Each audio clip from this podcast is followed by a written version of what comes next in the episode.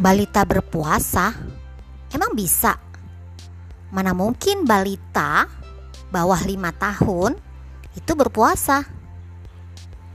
Kita bahas yuk.